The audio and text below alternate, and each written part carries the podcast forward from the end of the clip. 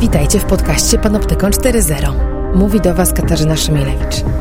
Jestem prawniczką i prezeską Fundacji Panoptykon, która reaguje na zagrożenia związane z rozwojem nowych technologii i to, co dzieje się na styku tej technologii człowieka. W Panoptykonie 4.0 mam ten komfort, że nie zaglądam do ustaw, nie gadam z politykami, ale mogę zrobić coś ciekawszego, mogę zajrzeć na zaplecze tych technologii, przemyśleć to, skąd się wzięły, co tak naprawdę zmieniają w naszym życiu, jak działają i rozmawiam o tym z ludźmi, którzy wiedzą, wiedzą, bo badają, wiedzą, bo są praktykami e, i tą wiedzą potrafią się dzielić.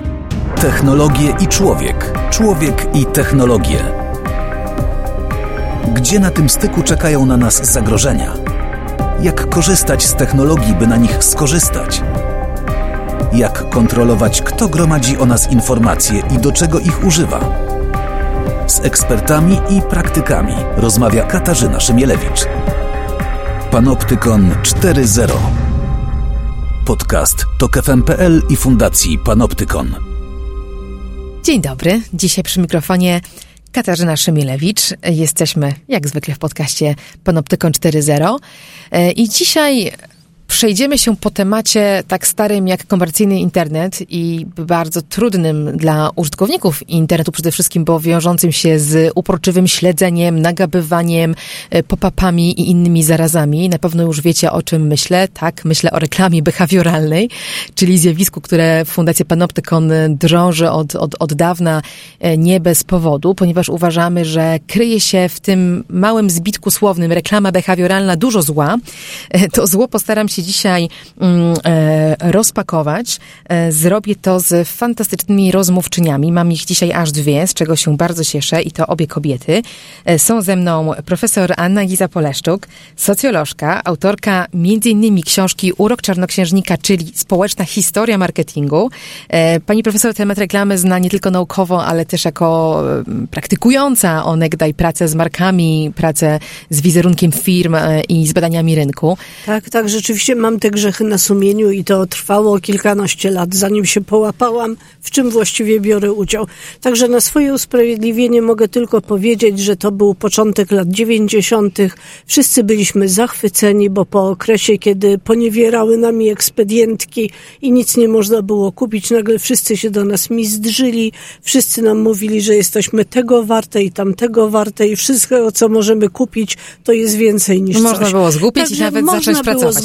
Pamiętam, jak cała Polska mówiła reklamami. Bo to naprawdę było takie dowartościowanie i docenienie konsumenta, który do tej pory był po prostu no, e, roszczeniowym petentem, któremu można było naubliżać. nie? Mhm. Do historii reklamy pewnie jeszcze na chwilę wrócimy. Przedstawię jeszcze moją e, drugą e, gościnię, Karolina Iwańska, prawniczka, mm, członkini zespołu Fundacji Panoptykon.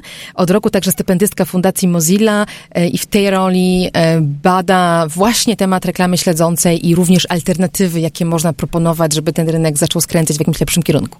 Dzień dobry, miło mi tutaj być. Witam Was obie. No właśnie, już trochę, e, już trochę mm, pani profesor zanurkowała w historię i w to, jak to było. Ja może mm, na początek rozmowy przywołam, jak jest. E, Jak potężny jest to biznes. Mam tutaj kilka wiele mówiących e, mm, liczb.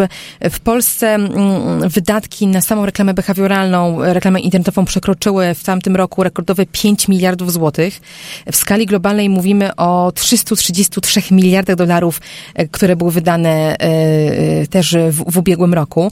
E, No nic dziwnego, że firmy, które na tym zarabiają, nie spieszą się do tego, żeby ze swojego modelu mm, zarabiania pieniędzy rezygnować. W tym modelu, w ten model uwikłani są nie tylko użytkownicy, którzy są notorycznie śledzeni, pozbawiani prywatności i manipulowani. O tym powiemy dzisiaj więcej, ale też wydawcy. I to jest bardzo ciekawe, ponieważ gazety inter- internetowe, media internetowe przyzwyczaiły się do tego, że reklama to jedyny sposób finansowania treści. Do tego również nas próbują przekonać, prosząc nas, błagając czasem w pop-upach, zgódź się na śledzenie, bo inaczej ja nie zarobię i nie będę mógł ci serw- serwować treści, które miały być świetne, bo bezpłatne.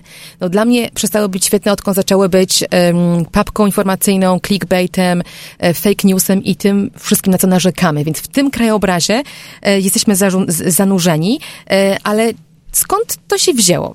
Pani profesor, skąd, skąd w ogóle reklama? Co to tak naprawdę jest reklama? Kto ją wynalazł? Czy ona jest częścią wolnego rynku? Czy ona musi być? To w, tej, w tej formie, w jakiej ją dzisiaj znamy, to oczywiście jest częścią wolnego rynku, bo naturalnie zawsze e, sprzedający wykrzykiwali bardzo pozytywne rzeczy o swoich produktach, czy to było na sukiennicach krakowskich, czy nawet w Grecji, czy Rzymie, ale oczywiście to nie jest to samo co dzisiaj, ponieważ dzisiaj mamy do czynienia z przemysłem, prawda? Czyli z przemysłem, który w dodatku jest wzajemnie splątany. I z rynkiem jest to związane z bardzo prostego powodu, mianowicie wolny rynek y, jest jednocześnie rynkiem nadprodukcji, więc żeby cokolwiek sprzedać, trzeba przekrzyczeć innych i dlatego reklama y, jest y, takim no być albo nie być producentów. Jeżeli nie informujesz, nie krzyczysz, nie reklamujesz, to znikniesz, bo nikt nie będzie wiedział o twoim istnieniu, ale to nawet nie o to chodzi. Chodzi o to, że na to, żeby, żeby były produkty marki reklamowane, nalegają również dystrybutorzy, pośrednicy, cała ta branża, no, która oczywiście też czerpie z tego zyski. Więc y, taka przemysłowa forma, jaką znamy, forma w dodatku naukowa, bo musimy pamiętać o tym, że już od naprawdę długiego czasu reklamy są konstruowane przy wykorzystaniu naprawdę najnowszych odkryć psychologii, neurofizjologii, przecież neuromarketing w tej chwili wszedł, reklamy, zresztą skuteczność reklam bada się przy użyciu y, tomografów mózgowych i różnych innych przerażających urządzeń. Więc Pytanie, czy to... ktoś potrafi je obsłużyć, to znaczy rzeczywiście tak. odczytać sygnały z tego urządzenia. Tak, więc to jest nie tylko wielki przemysł, jak czytałaś Kasiu te liczby, no jest to przemysł ogromny, od którego zależy nie wiem ile miejsc pracy i tak dalej, ale w dodatku jest to przemysł niebezpieczny w tym znaczeniu, że on naprawdę wykorzystuje data science, sztuczną inteligencję, e, neurofizjologię, psychologię, socjologię, no wszystko, wszystko, wszystko. I naprawdę bym tego nie lekceważyła. Mhm. I, to będzie, mhm. I to będzie, to będzie rosnąć, bo do tej pory to reklama telewizyjna była tą taką mhm. reklamą, gdzie, na którą wydawano najwięcej pieniędzy, która była powiedzmy najbardziej prestiżową, a okazuje się, że właśnie w pierwszym kwartale 2019 roku w Polsce po raz pierwszy internet wyprzedził telewizję, jeśli chodzi o mhm. reklamę. Chyba jeszcze nie ma danych za cały 19 rok, ale już ten pierwszy kwartał był takim e, skowronkiem. E, no a na świecie już to się wydarzyło w 2016 roku, globalnie, jak mhm. spojrzymy na reklamę. I e, szacuje się, że w ogóle do 2021 roku, czyli no już za rok, ta reklama w telewizji będzie mniej niż jedną trzecią całego marketingu, że to wszystko się przeniesie do internetu, no dlatego, że tam no milenialsi, którzy są już jakby coraz silniejszą grupą konsumentów, właśnie z tych mediów korzystają. A co jeszcze no. zmienia internet, jeśli mogę ci podpytać o, o, o to, co jeszcze internet wniósł do tego przemysłu? No wniósł dane, dane przede mhm. wszystkim. Y, to, że y, reklama, już nie tylko chodzi w reklamie o jej zawartość, czyli to, jak, jak ona, jakie ma hasło, powiedzmy, czy ona jest ładna, ciekawa, śmieszna, tylko jeszcze do kogo jest y, dobrana, do jakiej osoby, w jakim momencie i w jakim miejscu. Myślę, że to, to, to, to zdecydowanie i to rośnie, ten, ta, ta, ten rynek rośnie. I, I to jest y, niezwykle niebezpieczne, ponieważ przed reklamą telewizyjną, radiową, na billboardach, na innych nośnikach tak zwanych tradycyjnych można było uciec, można było nie oglądać telewizji, wychodzić na bloki reklamowe. Jeżeli chodzi o billboardy w przestrzeni miasta, to tak żeśmy się do nich przyzwyczaili, że chyba po prostu ich nie widzimy i się po prostu nie zauważamy zauważa, chociaż pewnie nasz mózg mimo wszystko zauważa. Natomiast tutaj to jest taka trochę diabelska sztuczka, dlatego że my chcemy mieć różne rzeczy bezpłatne w internecie, prawda?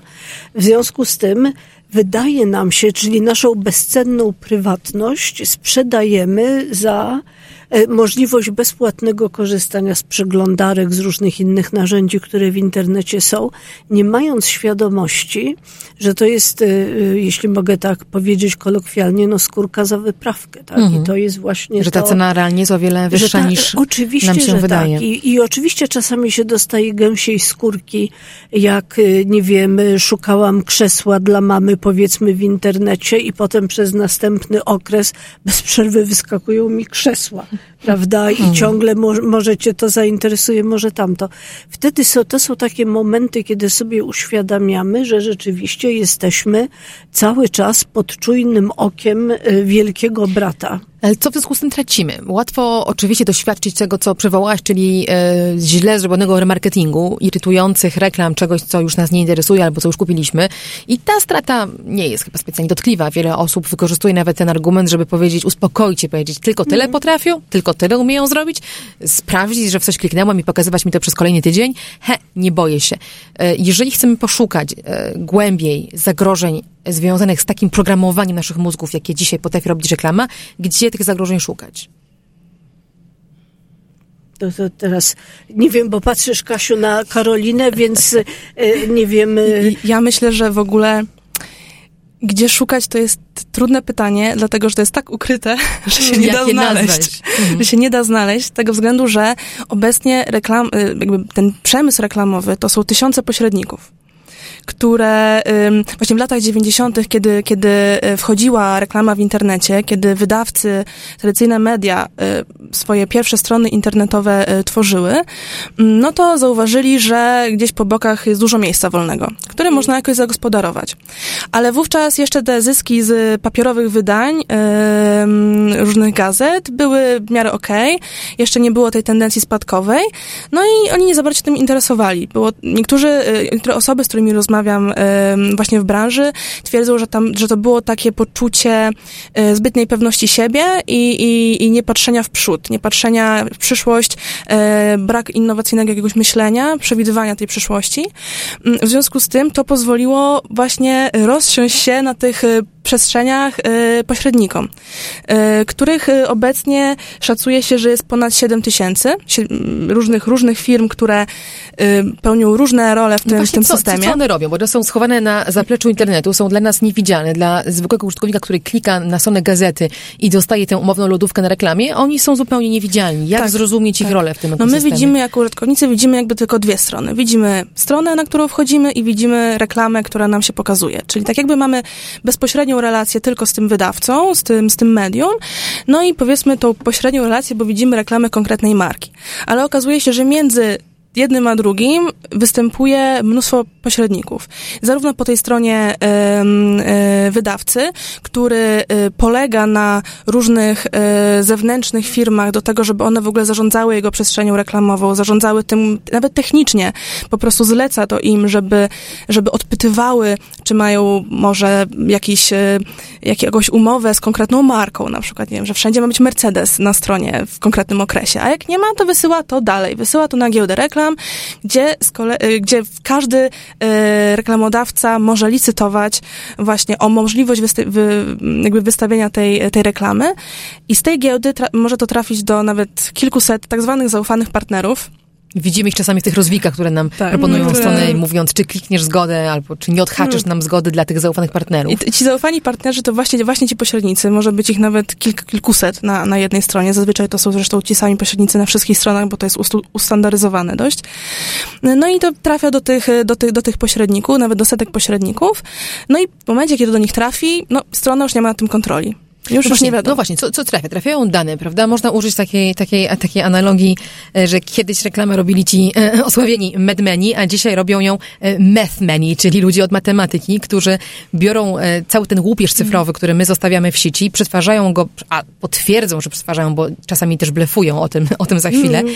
na wiele mówiące o nas profile, które e, rzekomo zdradzają, na co aktualnie choruję, czego rzeczywiście pragnę, co zamierzam kupić, czego szukam na promocji, albo co kupię kupiłam wczoraj, czego mi jeszcze brakuje, albo czego potrzebuje mm, moje dziecko, czy co ważnego się w moim życiu dzieje, po to, aby mi zwabić do określonej transakcji, prawda? E, I o tych profilach krążą e, mity i legendy, łącznie z tym, że można w czasie rzeczywistym mm, człowieka na ulicy namierzyć na billboardzie, bo przecież też billboardy zaczynają patrzeć poprzez kamery na, e, na ulicę, odczytać nasz wyraz twarz, nasze emocje i nas przekierować do sklepu ulicę dalej. Ile w tym jest prawdy? No właśnie, to jest, to jest pytanie samo w sobie. A ile dokładnie marketingu, marketingu? E, czy e, szczególnie ty, Aniu, patrząc na ten rynek w długiej perspektywie, zgadzasz się, że ta, to przejście od kreacji do matematyki jest bardzo wyraźne i ci jest pośrednicy bardzo naprawdę wyraźne, Jest bardzo wyraźne, bo ja rzeczywiście, i to może znowu zabrzmieć jak usprawiedliwienie się, ja rzeczywiście mm, patrzyłam na to w takich romantycznych czasach, kiedy naprawdę liczyło się, wtedy używano takiego słowa uwiedzenie konsumenta, prawda? Czyli zrobienie reklamy, która będzie tak urocza i tak fajna, że wzbudzi sympatię do marki. No, to były czasy Polleny 2000, Ojciec Prać, E, to były czasy zabija prusaki na śmierć i tak dalej. Różnych takich rzeczy, które, z których się śmialiśmy, o których mówiliśmy i tak dalej.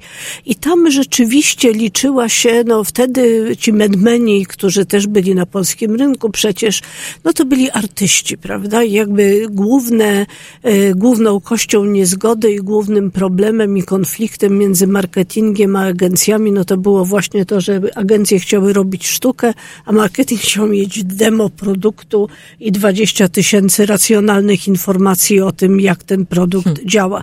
I to były czasy tak naprawdę, no ja bym powiedziała, jednak pewnego rodzaju niewinności i naiwności. Ja nie wiem, czy ta reklama wtedy była skuteczna, czy nie była skuteczna.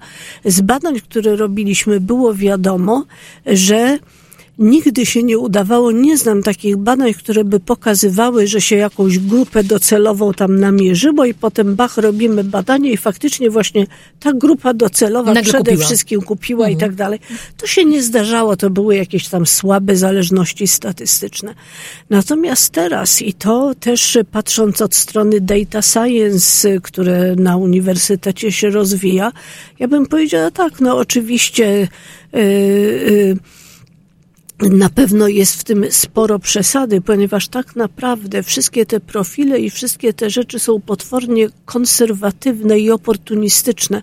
Znaczy, ja próbuję powiedzieć, że te profile i sposób, w jaki działają pośrednicy, one trochę działają tak, żeby nas, żebyśmy zastygli w półruchu. Ja nie wiem, czy ja się jasno wyrażam, mhm. ale Czy działam na jakiś to, automatyzm, chcą nas to złapać? To jest automatyzm, prawda? Ale te dane są zawsze danymi historycznymi, prawda? W związku z tym one niejako, jakby ja się nie mogę zmienić i rozwinąć, ponieważ tak jak zostałam sprofilowana, to tak będę teraz tresowana, czy też trenowana, prawda? Mm -hmm. I to są te, te rzeczy, które, e, jest taka słynna książka, y, y, matematyczna broń masowej destrukcji, math, weapon of math destruction, prawda? Tak. tak, tak, tak. Gdzie właśnie no między innymi się pokazuje, że to profilowanie, które jest też wykorzystywane na przykład do podejmowania decyzji, które ważą na ludzkim życiu, prawda, czy przyjąć do pracy, czy przyjąć do szkoły, czy przyjąć na studia i tak dalej, i tak dalej, że one właśnie jakby powielają stereotypy tak? Czyli powielają te historie. Bo nic innego nie mamy. Jeżeli próbujemy przewidzieć, co tak. zrobi człowiek, nie mamy nic innego.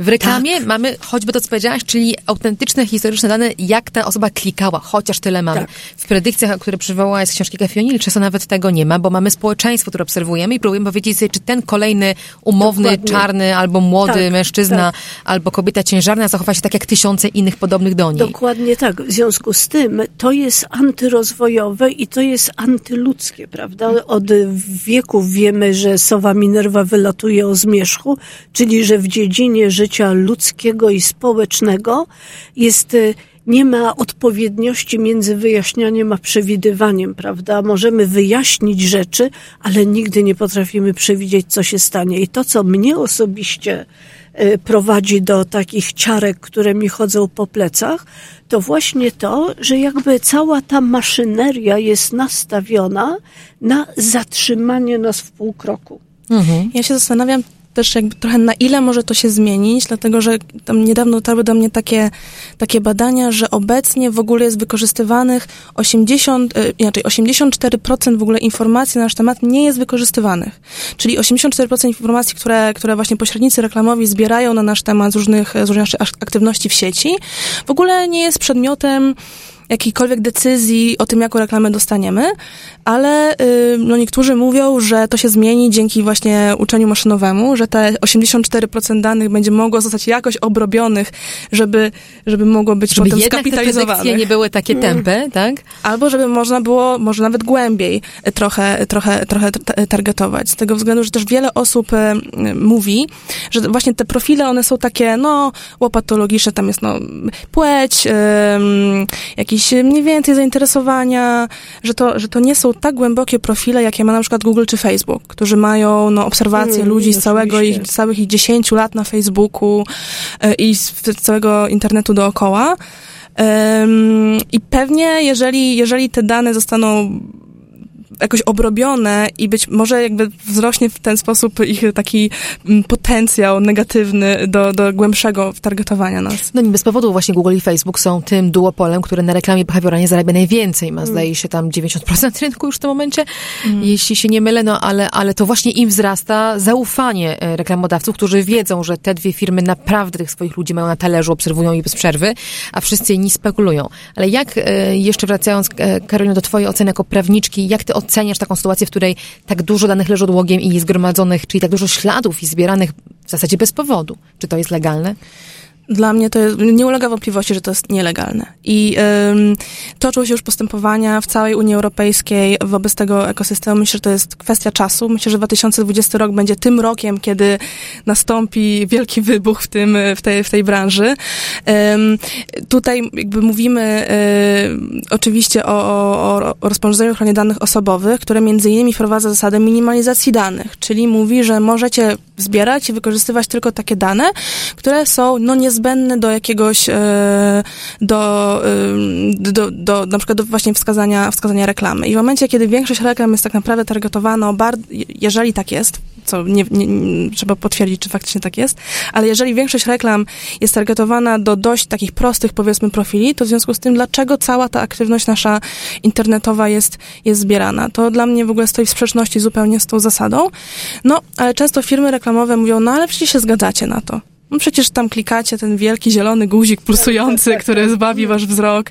No mhm. ale myślę, że tutaj nie trzeba y, dużo, długo przekonywać was, że tak. to tak naprawdę, że to nie jest zgoda. To jest manipulacja. Że to jest manipulacja. Jak cała ta reklama, prawda? Raz, że to jest po pierwsze zaprojektowane w taki sposób, że próbowałam to zrobić, mhm. nie da się nie, nie wyrazić tej zgody. Trzeba być naprawdę zdeterminowanym, żeby, żeby, żeby tej zgody nie wyrazić. Trzeba wejść kilka warstw dalej, mhm. odkliknąć tam kolejnych 400 prostu partnerów. Mhm. A przy kolejnym wejściu i tak pewnie będziesz musiała A zrobić przy kolejnym wejściu i tak będę musiała, ponieważ nie wyraziłam zgody w związku, oni nie wiedzą, kim ja jestem, jestem nową osobą, więc muszą mnie znowu zapytać o tą zgodę. No technicznie ma to sens, ale no czy tak powinno być? Może się da się rozwiązać jakoś inaczej. A jeszcze jest jakby z drugiej strony, czy tak naprawdę w ogóle ta zgoda kiedykolwiek może być ważna. Kiedy dlatego, może być poinformowana, kiedy może być świadoma. Tak, dlatego, że jeżeli ten, ten rynek jest tak skomplikowany, te procesy tego przetwarzania danych są tak niesamowicie niezrozumiałe, nawet dla osób, które, że tak powiem, w tym siedzą od roku, tak jak ja, y, czy osob, jak może dla przeciętnego użytkownika y, ten system nigdy nie będzie, on nie będzie w stanie pojąć w ogóle konsekwencji, y, jakie się wiążą z wyrażaniem tej zgody. To... Tylko Semena nigdy nie będzie moim zdaniem świadoma. Tak, no to, to przypomina zdecydowanie polowanie e, na użytkownika, próbę zwabienia go, no prostego kliknięcia, ale ostatecznie do tego, aby poddał się śledzeniu tej obróbce um, analitycznej i dalej um, targetowaniu. Ale patrzę teraz, e, Ania, na, na, na, ciebie, bo chciałabym wywołać wątek, o którym ty piszesz w swojej książce bardzo mocno, czyli kreowanie potrzeb versus odpowiadanie na potrzeby. Czy, czy reklama, czy, czy ja dobrze to rozumiem, ten twój argument i, i można go mm -hmm. postawić, że w zasadzie w reklamę wpięty wpięte jest coś nieuczciwego. Wpięte jest jakieś założenie, że mamy tego człowieka nie tyle mu dogodzić i na jego potrzeby odpowiedzieć, co jednak mamy go upolować mamy go i coś mu wykreować. Wyzyskać. No, mhm. Może użyję tego y, staromodnego terminu. Rzeczywiście tak jest, bo oczywiście, y, i, to wiadomo, bo nawet taki guru od marketingu, niejaki Jack Trout, który tam no, wsławił się wieloma y, naprawdę wspaniałymi kampaniami, to on już chyba w latach 70. napisał książkę pod tytułem Marketing Warfare, tak? W której to książce pisze, że Wiadomo, że, że w zasadzie marketing, reklama to jest wyścig konkurencyjny między firmami. Jeżeli przy okazji konsumentowi się zaspokoi potrzeby, to wspaniale, ale mhm. tak naprawdę w tej grze nie o to chodzi. I to musimy pamiętać, że potrzeby są instrumentalne, instrumentalizowane. Poza tym one są takim pojęciem zerowym i tak naprawdę. Yy, to, to pojęcie potrzeby się coraz bardziej rozmywa, prawda? W tym znaczeniu, że no ja nie wiem, czy ja mam potrzebę yy, no nie wiem, nie, próbuję znaleźć jakiś taki absurdalny przykład, ale czy ja mam potrzebę używania 28 e, tysięcy produktów do pielęgnacji ciała? Nie, mhm, no to jest mhm. po prostu e, cały czas bardzo duża praca na mojej świadomości, e, praca, która polega na kreowaniu problemów i która zaczyna się od tego, że mi się mówi, a czy zauważyłaś, prawda? Różnice. Różnice i że skóra na twoich piętach i przyjrzyj się swoim łokciom i popatrz na swoje dłonie i zobacz, prawda?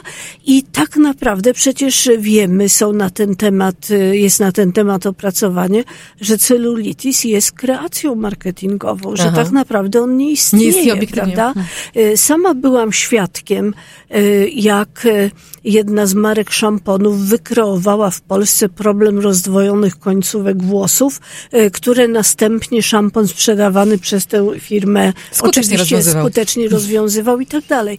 Y, to, to są naprawdę niesamowite rzeczy. Chodzi mi o to, że jakby podstawowym chyba problemem dla mnie jest to, że kiedyś ludzkie potrzeby miały wymiar etyczny i były społecznie, zbiorowo, religijnie, w bardzo różny sposób legitymizowane i nazywane, prawda? I y, jeszcze w pokoleniu moim pewnie, y, które no, wychowywało się jeszcze w takich czasach przed tym, no to, y, to jakby była pewna gradacja, ale też i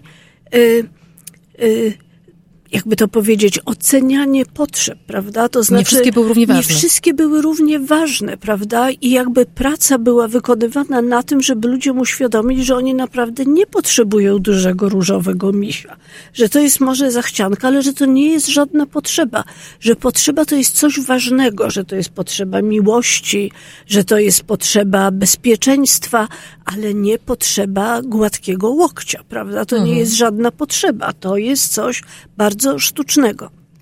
Więc e, ten problem, e, z którym mamy do czynienia, to jest to, że sprzedaż i rynek przejęły funkcję e, dyskutowania o naszych potrzebach. Nie wiem, czy ja to, to dobrze potrafię wyrazić, tak? Ale, ale o to mi właśnie chodzi, że na przykład dla pokolenia mojej babci, Wszystkie przedmioty miały wymiar etyczny. Na przykład stół taki okrągły, który stał u moich dziadków, to był stół, który pamiętał poprzednie pokolenie i przy którym jadła moja mama. I on był trochę może koślawy, miał jakąś plamę, ale on miał e, takie symboliczne, ważne, mhm. emocjonalne znaczenie. Dla mojej babci Ikea była czymś przerażającym, bo ona nie potrafiła zrozumieć, że mogą ci się znudzić meble, to sobie je wyrzucisz i sobie zrobisz zupełnie nowe mieszkanie, mhm. prawda? Jest, jest bardzo ciekawa, już naprawdę y, na tym poprzestanę, ale y, czytałam książkę, gdzie autorka analizowała pamiętniki nastolatek. I to było naprawdę uderzające. Ja to oczywiście przytaczam z pamięci, ale ona pokazywała, że w czasach sprzed y, II wojny światowej to pamiętniki nastolatek wyrażały takie marzenie o tym, żeby być dobrym człowiekiem, prawda? I żeby coś w życiu osiągnąć, że chciałabym to i chciałabym tamto. Natomiast pamiętniki nastolatek z lat y, przełomu 80. i 90., to one już w ogóle nie miały takiego wymiaru. One były o tym, że chcę mieć fajnego chłopaka i chcę mieć taki przedmiot i śmaki przedmiot i tak dalej. Czyli gdzieś zniknęła taka, y, takie dążenie do tego, żeby doskonalić samego siebie, wyrażamy się poprzez te przedmioty. I wyrażamy I to, się poprzez te przedmioty, co jest nam podpowiadane. To znaczy one mówią za nas. To już nie jest nasz wysiłek, tylko po prostu zakładam Nike i wiadomo, że mam ducha zwycięstwa. Albo kupuje koszulkę Benettona i wiadomo, że uważam, że wszyscy ludzie są braćmi. Jest w tym coś naprawdę niezdrowego. Ale już Karolina się uśmiecha, a jest z pokolenia, które mogłoby ulegać tej... Ja, ja to widzę i u siebie, i u innych. Te, tym, tym kreowanym potrzebom. No ciekawe, bo mamy jednocześnie 9 milionów Polaków, myślę, że głównie młodych jednak, raczej młodszych niż starszych, może tak, którzy blokują reklamy. Polska jest w czołówce, jeśli chodzi o wykorzystanie takich technik blokowania reklam. Ja nie znam badań, które by pogłębiały rozumienie, dlaczego dlaczego tak jest, na ile tutaj jest to kwestia irytacji e, tym, że coś mi zasłania mhm. treści, to coś mi się wyświetla, a wcześniej jeszcze grało i migało i tańczyło. Tak był taki etap, gdzie zanim branża się dogadała na samoregulację w tym zakresie, to było niezwykle irytujące, przeszkadzające komunikaty. Teraz jest chyba troszkę lepiej, ale też nie wiem, bo nie oglądam. No właśnie, więc nie chcemy oglądać. Jest jakieś odrzucenie tego. E, jednocześnie mamy bardzo trzeźwiące głosy z samej branży, z wewnątrz samej branży. E, człowiek, który zna branżę świetnie od podszewki, Bob Hoffman, weteran w zasadzie branży reklamowej i teraz i naczelny krytyk, który prowadzi bloga pod nazwą e, Ad Contrarian, nazywa wręcz ostatnią dekadę e, The Advertising Decade of Delusion, tak? Że to już jest ten moment, kiedy wszystkie złudzenia nam opadły. Okazało się, że, no, że jest kompletna klapa, tak? On mówi, że przy tym katastrofa Titanica to jest po prostu jak niewypał małej łódki, bo, bo to jak ta branża się rozłożyła na łopatki i nie była w stanie dostarczyć tego, co obiecywała, jest porażające. Tu patrzę na Karolinę Iwańską, bo ty to badasz. Co takiego jest porażające, patrząc na to, czego ta branża nie dowozi? Mm mnóstwo, mnóstwo rzeczy i ja bym nie powiedziała, że tak naprawdę opadły im złudzenia, chociaż um, wydaje mi się, że to jest bardziej taka trochę zmowa milczenia.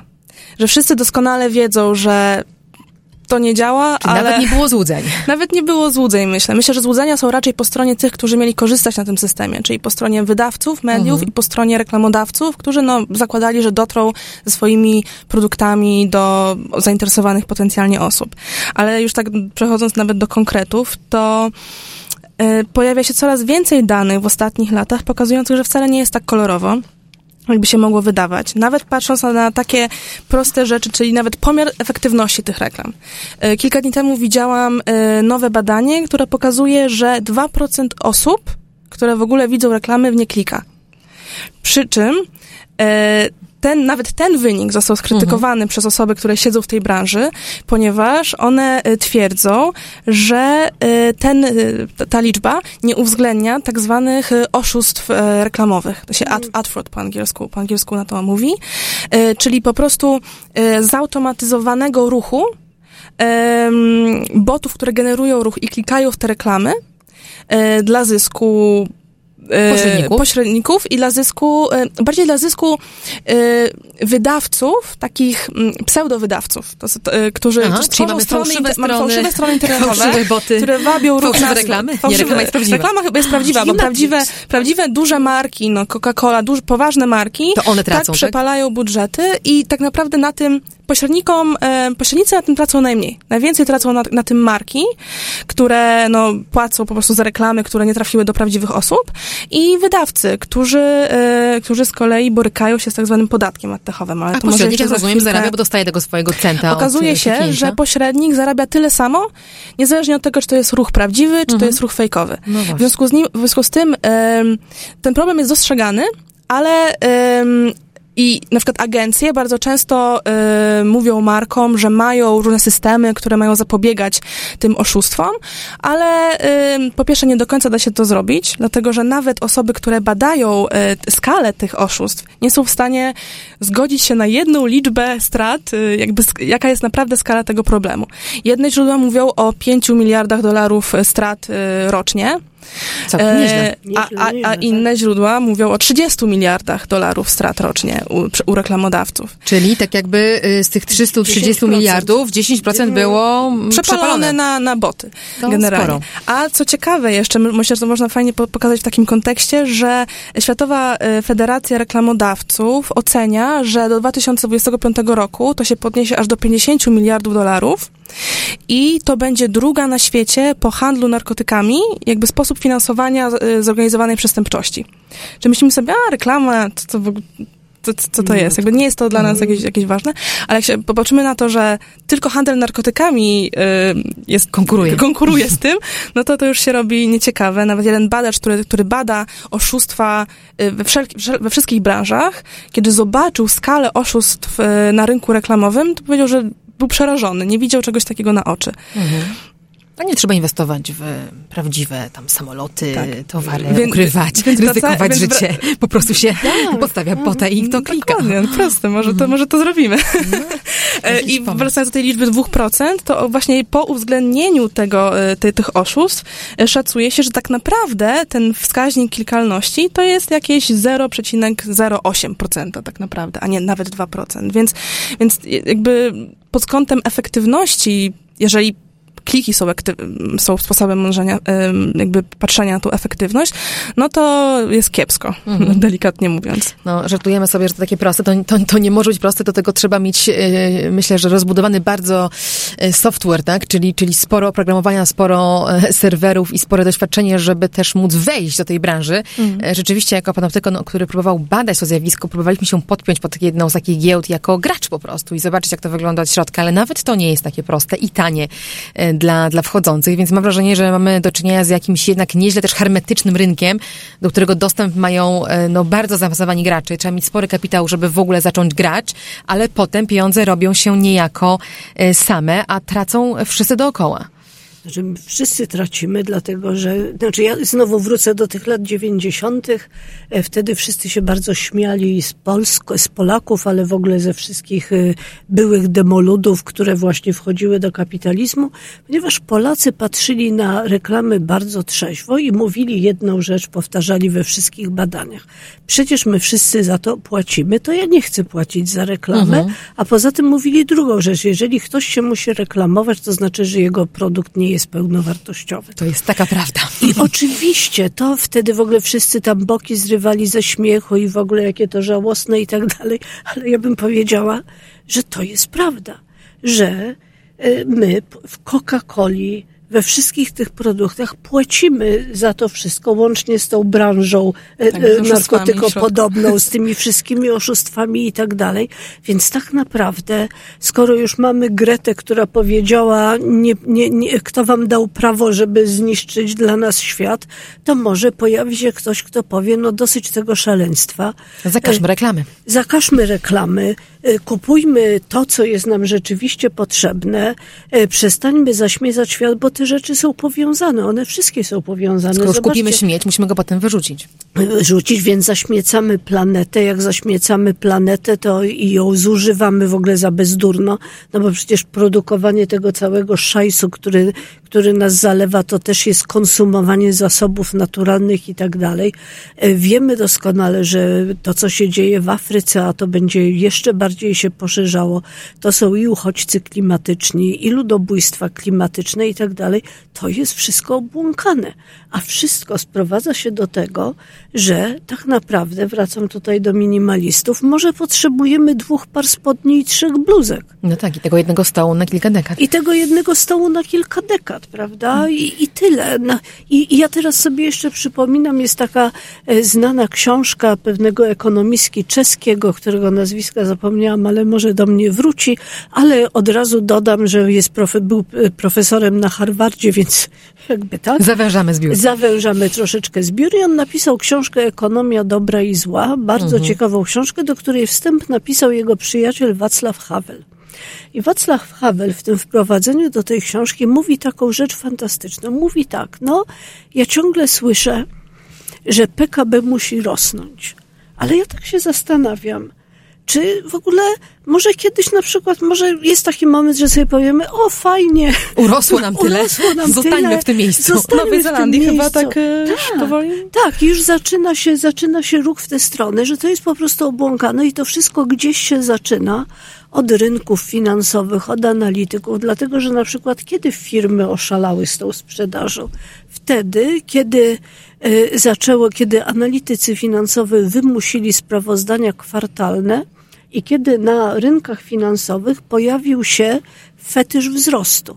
Ja ciągłego wzrostu, ciągłego który jest bez przerwy wzrostu, widoczny. Ciągłego wzrostu, który jest ciągle widoczny i po prostu te nieszczęsne firmy, łącznie z tą, w której pracowałam, po prostu rozpaczliwie poszukiwały źródeł wzrostu, nawet jeżeli on był y, oznaczał kanibalizację, oznaczał rozmycie marki, że na przykład marka, powiedzmy zawsze to mnie zdumiewało, DAF, która wyrosła y, na tym, że jest to mydło, które zawiera jedną czwartą kremu nawilżającego i dlatego nie wysusza skóry jak mydło, nagle wprowadza krem nawilżający. I te biedne konsumentki, które mówiły, czy Już w tym kremie kupiłam. jest, nie, czy w tym kremie jest jedna czwarta kremu nawilżającego, czy 100% kremu nawilżającego. Więc y, wszystkie te, wszystkie te rzeczy, no gdzieś e, wynikają, i teraz to zabrzmie po prostu jak stara ciotka rewolucji, z jakiegoś dyktatu pewnej fałszywej, to nawet nie jest ideologia, ponieważ to wszystko się podaje za naukę, prawda? Już dawno temu Mhm. pewien ekonomista powiedział, że, e, e, że ktoś, kto uważa, że wszystko może bez przerwy rosnąć, może jest albo nienormalny, albo jest ekonomistą, prawda? Więc, więc gdzieś i i, I trochę zaczynamy trzeźwieć, bo wiadomo, że dzisiaj aktywa tak zwane finansowe, chyba ośmiokrotnie, jeśli nie więcej, przekraczają wartość wszystkich realnych zasobów świata. Więc no, im urosło. Po co? A y, zasobom realnym i ludziom spadło. No właśnie, No. ale jeżeli mamy ten moment rozczarowania, czy chcielibyśmy, to jest trochę chyba takie wołanie na pustyni jeszcze, ale może nie. Trudno mi ocenić, my siedzimy rzeczywiście w miejscu, z którego niewiele widać. Y, słyszymy takie głosy jak Grety, słyszymy, że są młodsi ludzie od nas, którzy domagają się zmiany, mm, oby ona nastąpiła. Jak w takim razie, czego konkretnie wymagać od reklamy? Ja trochę zażartowałam, a trochę nie, mówiąc o zakazie e, reklamy, to byłby najskuteczniejszy środek wyzwalający nas z tej gmatwaniny, z pewnością, ale skoro wiemy, z kim się mierzymy, skoro mierzymy się z branżą, która jest tak potężna finansowo, e, która jest, no, ma doskonałe narzędzia do lobbingu e, w Brukseli i innych stolicach tego świata i tak łatwo sobie nie pójdzie, czy jest cokolwiek, czego możemy od tej branży oczekiwać w krótszym horyzoncie, zanim, em, mam nadzieję, ona się jednak zatopi? Karolina. No ja myślę, że na pewno możemy oczekiwać przejścia na reklamę kontekstową, jeżeli chodzi o internet. Bo tutaj zos- zostając, zostając w, tej, w tych kategoriach internetowych, em, wydaje mi się, że ta Czyli reklama behawioralna jest już spalona kompletnie, że nawet e, dzisiaj przeczytałam informację, że na ostatnim szczycie e, IAB, czyli takiej branżowej organizacji e, pośredników reklamowych, e, były już poważne rozmowy o tym, o właśnie powrocie reklamy kontekstowej do łask. Bo ona już była, zanim rozpoczęło się śledzenie, mieliśmy do czynienia z reklamą kontekstową, czyli, czyli po prostu reklamą dopasowaną do treści strony, do treści artykułu, który czytamy, a nie do nas.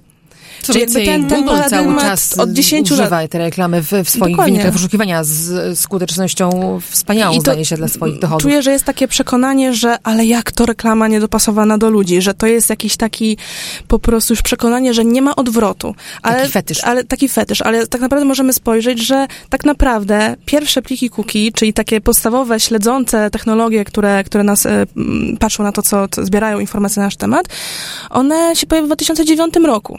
Hmm. To, to wcale, to jest 10 lat. To jest, Tak. to jest świeża technologia, Ta więc tak naprawdę... upadku złudzeń. To, to jest właśnie, i, i wydaje mi się, że tutaj nie- jakby nie, nie, nie, nie skupiałam się wyłącznie na tych pośrednikach, ale też na samych wydawcach i na samych reklamodawcach, żeby właśnie oni się pozbyli tych złudzeń. Bo przecież pośrednicy, wydaje mi się, karmią ich jakąś narracją. Karmią ich narracją, że Swoimi wykresami, że, że oni inaczej by nie zarobili, podczas gdy okazuje się, że wydawcy ym, dostają 30% tego, co jest wydawane na reklamę, bo 70% właśnie w tym podatku addechowym y, pobierają pośrednicy. to Tak zdaje jak, się, że chyba Guardian zrobił taki eksperyment, Tak. prawda? Że dziennikarze Tak. kupili, u wykupili... siebie na, na, tak, u siebie na stronie Guardian wykupił reklamę, zapłacił za nią jednego funta, a okazało się, że zarobił 30, 30 tam centów, nie, pensów, nie wiem, co tam jest, chyba pensów. Chyba tak. Pensów, pensów. E, tak. E, a też pojawiały się kolejne informacje o tym, że wcale reklama behawioralna nie jest bardziej dochodowa od kontekstowej, bo mm, Google zawsze przekonywał, no zawsze y, przekonywał, że y, reklama ta dopasowana do ludzi przynosi 52% więcej zysków y, wydawcom. Podczas gdy niedawno, na początku poprzedniego roku, pojawiły się badania niezależne, akademickie, czyli takie nie, nie, nie pochodzące od branży, czy tylko takie, które były jednak zweryfikowane jakoś przez, przez społeczność akademicką, że tak naprawdę są 4%. I to dopiero jak, y, nie uwzględniając w ogóle kosztów, nie uwzględniając kosztów infrastruktury, programów, które muszą dopasować te reklamy, nie uwzględniając, nie, nie uwzględniając kosztów do, do mm, dostosowania się do przepisów obowiązujących, bo w reklamie kontekstowej nie ma problemu z danymi osobowymi. Jeżeli mhm. serwuję reklamę niedopasowaną do ludzi, to w ogóle nie potrzebuję mieć ich danych. Jasne. Y, więc jakby ale znowu tutaj wpadamy w tę w te pułapkę, o której pani profesor pisze w swojej, swojej książce, że no ktoś musi to ryzyko podjąć. Ktoś, ktoś musi, musi się powiedzieć, że tego. ten pisarz jest nagi, ktoś musi te wszystkie liczby podważyć, to jest dużą pracą. System jest bardzo nieprzejrzysty, więc trudno to podważenie e, wykonać i podeprzeć się liczbowo, a tego się, jak rozumiem, w ekonomii od nas oczekuje, takiej argumentacji właśnie. E, więc jest to no, walka, trochę walka na argumenty, trochę walka na, na wyobrażenia, czy na jakąś wiarę, prawda? Czy możemy też pójść po linii etycznej może, czyli nie bawić się ja w liczby, bym... a zaatakować to etycznie? Ja bym to zaatakowała etycznie, to znaczy y, rzeczywiście no, przeszliśmy przez dość długi y, czas, kiedy y, dyskusja o wartościach i podnoszenie kwestii etycznych, no tak trochę wszyscy byli zażenowani, prawda, że właściwie żyjemy w takich czasach pragmatycznych, tu liczby, nauka i tak dalej, i nagle ktoś wyskakuje i zaczyna coś tam mówić o odpowiedzialności albo o dobroci, albo o czymś takim. Ale ja jestem głęboko przekonana i widzę to od wielu lat, w bardzo wielu zjawiskach, że jest postępująca po pierwsze świadomość, że wszystkie nasze problemy wynikają z y, zaniechania y, myślenia i dyskutowania o wartościach. Ja nigdy nie zapomnę, jak y, Marek Belka, który wtedy był szefem NBP-u, został zaproszony na wykład na uniwersytet i ktoś mu zadał pytanie, to był 2009 czy 2010 rok, e, skąd się wziął kryzys finansowy. A Belka powiedział, ekonomista, tam były premier i tak dalej, Marek Belka powiedział, to nie jest kryzys finansowy, to jest kryzys wartości. Zresztą nie on jeden, wielu ekonomistów takich nie mainstreamowych powiedzmy to mówiło. I chcę tylko powiedzieć, e, że pamiętam, nie wiem czy to było dwa lata temu, czy trzy lata temu, czy rok temu, wszystko jedno, ale był 11 listopada i był pochód y, młodzieży, tak? Y, no, gdzie byli ci młodzi mężczyźni, te race świetne i tak dalej, i oni szli krzycząc i nieśli wielki transparent, na którym było napisane: My chcemy Boga. I to zrobiło na mnie niesamowite wrażenie, ponieważ to było straszne i piękne jednocześnie, prawda? Ponieważ tak naprawdę y, możemy różnie na nich patrzeć, ale w tym ich wielkim wołaniu to było właśnie wołanie o to, żebyśmy znowu mieli zasady, żebyśmy znowu mieli jakieś wartości, żebyśmy potrafili przy nich stać, żebyśmy nie sprzedawali wszystkiego. I też jak sobie pomyślimy o takiej fali filmów typu Big Short, prawda, albo Wilk z Wall Street, chyba tak to się nazywało, e, to narasta świadomość, tak, że my hmm. przejadamy i niszczymy nasz świat e, w sposób cyniczny, instrumentalny i że po prostu naprawdę musimy przestać. Więc i, i widać, że obrona klimatu, że różne ruchy ekologiczne również w miastach, że one wszystkie no, mają w sobie tę etyczną odwagę, żeby powiedzieć, y, musimy y, szanować y, wartość przyrody i wartość innych ludzi i tak dalej. I wracając jeszcze do tego śledzenia i tak dalej, no jednak, jeżeli znowu zaczniemy wierzyć w to, że człowiek jest istotą y, y, o wolnej woli i odpowiedzialności, że jest autonomiczny. Innymi słowy, kiedy wrócimy do humanizmu, tak, y, personalizmu nawet, jak kto woli, to, y, to że, nie, że, że, że nie można śledzić, będzie oczywiste dla wszystkich. Tak? No tak, Czyli... w zasadzie skąd się wziął ten dogmat, dogmat założenie, że, że wolno. No właśnie. To no jest właśnie. nawet dla nas jako pra, pra, prawniczek od, od tak. dawna zabiegających o to, żeby jakieś reguły tu obowiązywały, to też jest bardzo dziwna pozycja, w której my bronimy czegoś, mm. co jest atakowane przez biznes, jakoby to była fanaberia. Tak. Nie śledźcie nas, zostawcie nas w spokoju. Skąd, w którym momencie to się tak przewróciło, że i można zasoby zużywać, i planetę można um, eksploatować, tak. i człowieka można, można traktować jak target. Samo tak. tam, ja bardzo często używam słowa target, żeby podkreślić, mm czym użytkownik mm. w istocie jest w tej sieci. Targetowanie, samo Targetowanie samo jest dokładnie o tym. To jest ta wojna przeciwko nam. To, że konsumenci tak mało się jeszcze buntują, bo o tych adblokach, tak jak wspomniałam, no nie do końca wiadomo, co za nimi stoi, czy to nie jest jednak irytacja i pewne pokazanie sprzeciwu wobec technologii bardziej niż reklamy jako takiej. Jestem bardzo ciekawa, czy ktoś kiedyś zrobi na temat samej reklamy jako takiej. Czy ludzie by mhm. poparli Myślę, że ludzie są generalnie niechętni z tego, zakazanie co Nie widziałam wielu tych badań, ale mm. wydaje mi się, że ludzie nie lubią być manipulowani generalnie. Nie lubią być manipulowani, ale takie największe chyba złudzenie to jest takie, że nam się wydaje, że my potrafimy się zabezpieczyć. Tak, prawda? bardzo często że to na nas. To nie, nie ja. że tam ja, to nie, nie, ja, działa. to na mnie to nie działa i tak dalej. Może na tych głupszych tak, ale nie na mnie. Notabene wykorzystam y, y, to, że jestem z dwoma znamienitymi prawniczkami i zapytam, jak się skończyła sprawa prawo do bycia zapomnianym, którą pewien Kostecha, Hiszp... tak. Hiszpanią wygrał. Google, wygrał. Tak, Google musiało wdrożyć procedurę i to nawet chyba globalnie mm -hmm. ostatecznie to zrobili, tak. która umożliwia zgłoszenie się do Google i powiedzenie e, zapomnij mi w bardzo określonych sytuacjach, tak? Czyli to dotyczy, mm. to jest niegłupio zakrojone, bo dotyczy sytuacji, w której to samo, jak to powiedzieć, e, nie informacja źródłowa, ona może być, ona może być nawet aktualna, może być archiwalna, nie o nią chodzi, chodzi o to, co Google z nią robi. Jeżeli w kontekście wyszukiwarki Google'a ja jestem, na przykład pojawia się moje nazwisko obok, no nie wiem, handlarza narkotyków, skoro już ich przywołaliśmy, a to nieprawda jest, to jest złożenie, które jest przypadkowo, bo, bo na przykład w gazecie artykuł jest o nim i o mnie na tej samej stronie, to takie rzeczy mogę chcieć zapomnieć, ale jeżeli jest to fakt na mój temat z przeszłości, no to raczej raczej nie. Skoro już jesteśmy przy, przy, przy regulacjach, to tutaj prawniczka się we mnie, we mnie odezwie. Zgadzając się w stu procentach, co pani profesor powiedziała o, o zasadach etycznych, o tym, że musimy powrócić do wartości.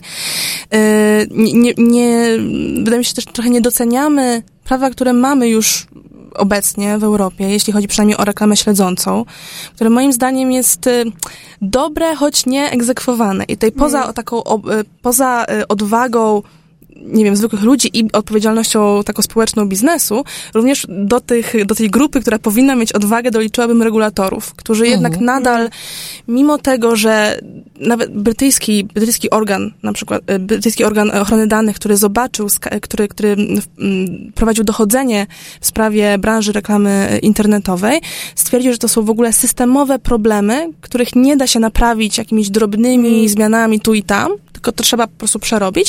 No ale nie wydał żadnej kary, nie wydał mhm. żadnej decyzji. Y, ciągle y, jakby... Czeka na dowody, że da się to zrobić inaczej. Czeka na dowody, że da się to zrobić inaczej. A to jest trochę błędne koło, bo dopóki, y, bo jakby ta, ta jakby branża reklamy śledzącej jest tak duża i tak dominująca, że pośrednicy, którzy chcą to robić inaczej, którzy chcą to robić bardziej etycznie, oni po prostu nie mogą się wyskalować, nie mogą nabrać mhm, skali, w mhm, związku z tym nie dostarczą tych dowodów, którzy, których regulatorzy tak bardzo chcą, żeby móc jakby bezpiecznie powiedzieć, o, nie zepsujemy internetu, możemy im nałożyć wielką grzywnę i wyeliminować tych 7 tysięcy pośredników. Czasami potrzebny jest kryzys, żeby mogła być e, możliwa reforma, prawda? Musimy uznać, że coś jest popsute, tak jak widzimy, że popsuliśmy sobie przyrodę, klimat, popsuliśmy sobie internet i może mamy teraz właśnie dzięki tej konstatacji szansę, żeby to naprawić. To kto to zrobi? E, oby każdy swoją rolę w tym e, odegrał. Ja wam bardzo dziękuję za te refleksje. Mam nadzieję, że okażą się mobilizujące e, dla słuchających nas i szczególnie tych, których wywołaliście, wywołałyście dzisiaj do odpowiedzi, czyli i regulatorów, i branżę, i samą branżę interaktywną. E, pięknie dziękuję za rozmowę. Dla mnie bardzo ciekawą. E, Karolina Iwańska, e, Anna Giza-Poleszczuk, a przy mikrofonie Katarzyna Szymilewicz. E, kończymy podcast Panoptykon 4.0. Dziękujemy. Dziękujemy. Do usłyszenia. Technologie i człowiek. Człowiek i technologie.